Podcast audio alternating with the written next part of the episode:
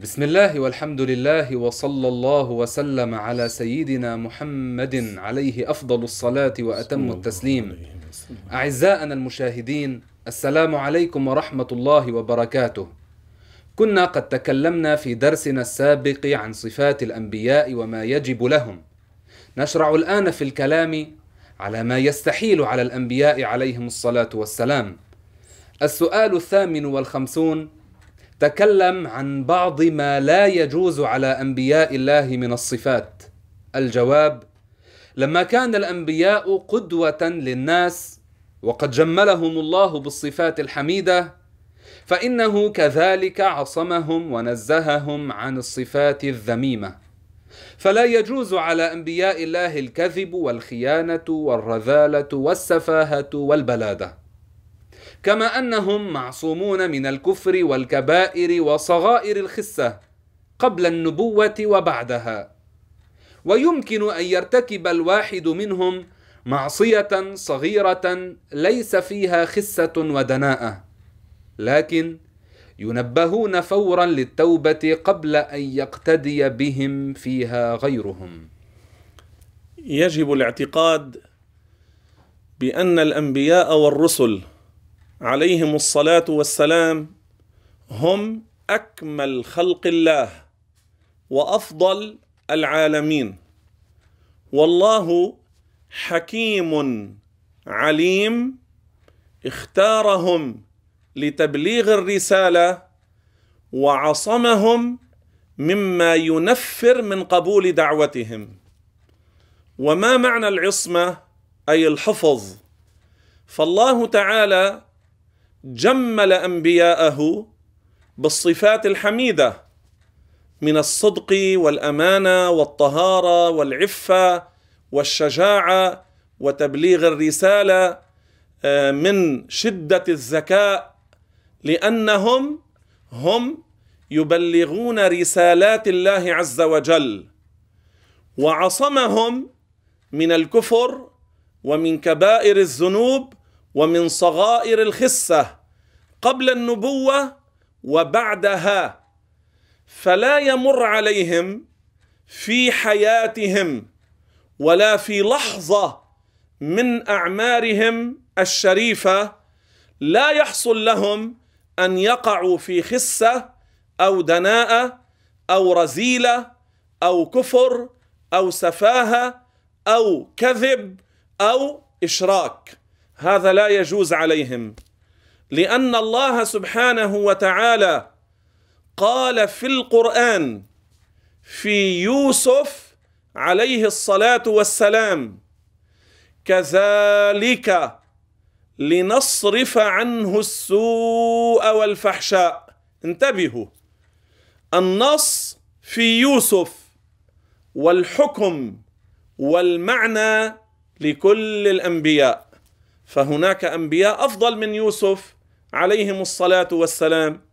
فإذا كان النص يخبرنا أن يوسف حفظ من صغائر الخسه ومن الكبائر فمن هو أفضل منه من الأنبياء والرسل فهو معصوم كذلك. إذا النص في يوسف والحكم والمعنى لكل الأنبياء عليهم الصلاة والسلام. فالأنبياء عصموا مما فيه خسة ودناءة قبل النبوة وبعد النبوة بإجماع الأمة بإجماع الأمة. ويجب الاعتقاد بأن الأنبياء عليهم الصلاة والسلام لا يحصل منهم شرك لا قبل النبوة ولا بعدها لأنه لو حصل منه الشرك أو الكفر أو الزنا أو الظلم لو حصل منه هذه الأمور التي تدل على سقوط الإنسان من أعين الناس تدل على الخساسة على الدناءة يعني تقدح في المروءة. لو كان يحصل منهم ذلك لنفر الناس عنهم ومن قبول دعوتهم. لذلك عصمهم الله. لذلك عصمهم الله وحفظهم من الكفر والكبائر وصغائر الخسة قبل النبوة وبعدها بإجماع الأمة. فلم يحصل من إبراهيم عليه الصلاة والسلام ولا من غيره من الأنبياء أن شك في قدرة الله كما يكذب ويفترى على الأنبياء. لم يحصل من موسى ولا من عيسى عليهما السلام أن كانا على غير الإسلام. لم يحصل من نبي من الأنبياء ما فيه خسة أو دناءة أو كفر أو شرك. يجب الاعتقاد بأنهم عليهم الصلاة والسلام أفضل خلق الله جملهم الله بالصفات الحميدة وحفظهم من الصفات الخسيسة. السؤال التاسع والخمسون. قال تعالى حكاية عن نبي الله إبراهيم. بل فعله كبيرهم هذا. فاسألوهم إن كانوا ينطقون. فما معنى ذلك؟ الجواب لا شك أن الأنبياء منزهون عن الكذب. والوارد في هذه الآية من أمر إبراهيم ليس كذبا حقيقيا بل هو صدق من حيث الباطن والحقيقة. لأن كبيرهم هو الذي حمله على الفتك بالأصنام الأخرى من شدة اغتياظه منه لمبالغتهم في تعظيمه بتجميل صورته وهيئته. فيكون إسناد الفعل إلى الكبير إسنادا مجازيا فلا كذب في ذلك. إبراهيم عليه الصلاة والسلام هو أفضل الأنبياء وأفضل العالمين بعد سيدنا محمد عليهما الصلاة والسلام. لذلك قرن ذكره بذكر سيدنا محمد عليهما الصلاة والسلام في التشهد في الصلاة. وإبراهيم عليه الصلاة والسلام الله تعالى جعله في المرتبة العظيمة في المرتبة العالية فلا يقبل ولا يصدق ولا يعقل أن يكون كذب أو وقع في الكذب الحقيقي. لماذا؟ لأن الكذب صفة ذم. والناس ينفرون من الكذاب فلا يتفق أن يكون نبيا حاشا وكذابا. هذا لا يحصل. لا يجتمع النبوة والكذب حاشا. اذا إبراهيم لم يكذب إنما الذي قاله إبراهيم من حيث الباطن والحقيقة هو صدق هو صدق. ومعنى قول إبراهيم بل فعله كبيرهم هذا أي كبير الأصنام. فاسألوهم إن كانوا ينطقون هذا لإقامة الحجة على قومه لتبكيتهم وبيان سخافتهم أي لأنكم تبالغون في تعظيم هذا الصنم وتبالغون في تجميله وتحسين صورته هذا حملني على أن كسرت الأصنام الصغار. فعندما قال لهم فاسألوهم إن كانوا ينطقون هذا أيضا لتسفيههم وتسفيه تلك الأصنام أي أنها لا تنطق وأنتم تعبدونها. وأنا كسرتها فكيف تقولون عنها إنها آلهة بزعمكم؟ بزعمكم. فما معنى بل فعله كبيرهم هذا؟ أي هو السبب. أن تحركت فكسرت تلك الأصنام الصغيرة. هذا معناه كما يقال لمن دفع فاصطدم بشيء فكسره. يقال له أنت كسرت هذا؟ ماذا يقول؟ أنا كسرته على معنى فلان هو الذي كان السبب. دفعني فاصطدمت بهذا الزجاج فانكسر. فعندما يقول أنا كسرته على معنى هو السبب في أن انكسر هذا الزجاج. ويحصل أحيانا بين الأم مع أبنائها أن يحصل بينهم إشكالات. فتضرب هذا الذي هو حرك ودفع لذلك من إخوته البقية. فيقول لها لماذا تضربينني؟ تقول أنت عملت المش... هذا الإشكال تقول أنت الذي عملت هذا الإشكال. فيقول أنا عملت هذا بمعنى أخي هو الذي دفعني حركني جرني يعني هو الذي كان السبب. وهذا عند الناس معروف وبين الناس معروف. فقول إبراهيم بل فعله كبيرهم هذا يعني هو السبب أن تحركت فكسرت تلك الأصنام. وليس معنى ما قاله إبراهيم أن هذا الصنم الجماد تحرك حقيقة وكسر الأصنام هو بفعله حقيقة. ليس هذا معناه.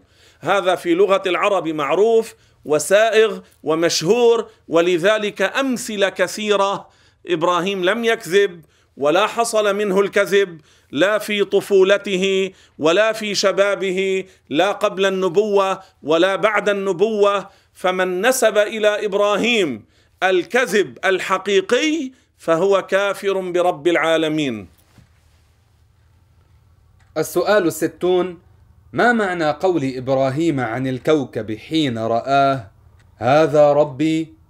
الجواب الأنبياء معصومون من الكفر قبل النبوة وبعدها. فقول إبراهيم عن الكوكب حين رآه هذا ربي هو على تقدير الاستفهام الإنكاري. فكأنه قال أهذا ربي كما تزعمون؟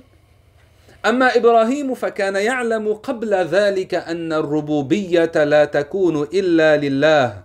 قال تعالى ما كان إبراهيم يهوديا ولا نصرانيا ولكن كان حنيفا مسلما وما كان من المشركين. يجب الاعتقاد بأن إبراهيم عليه الصلاة والسلام لم يعبد الكوكب ولا الشمس ولا القمر.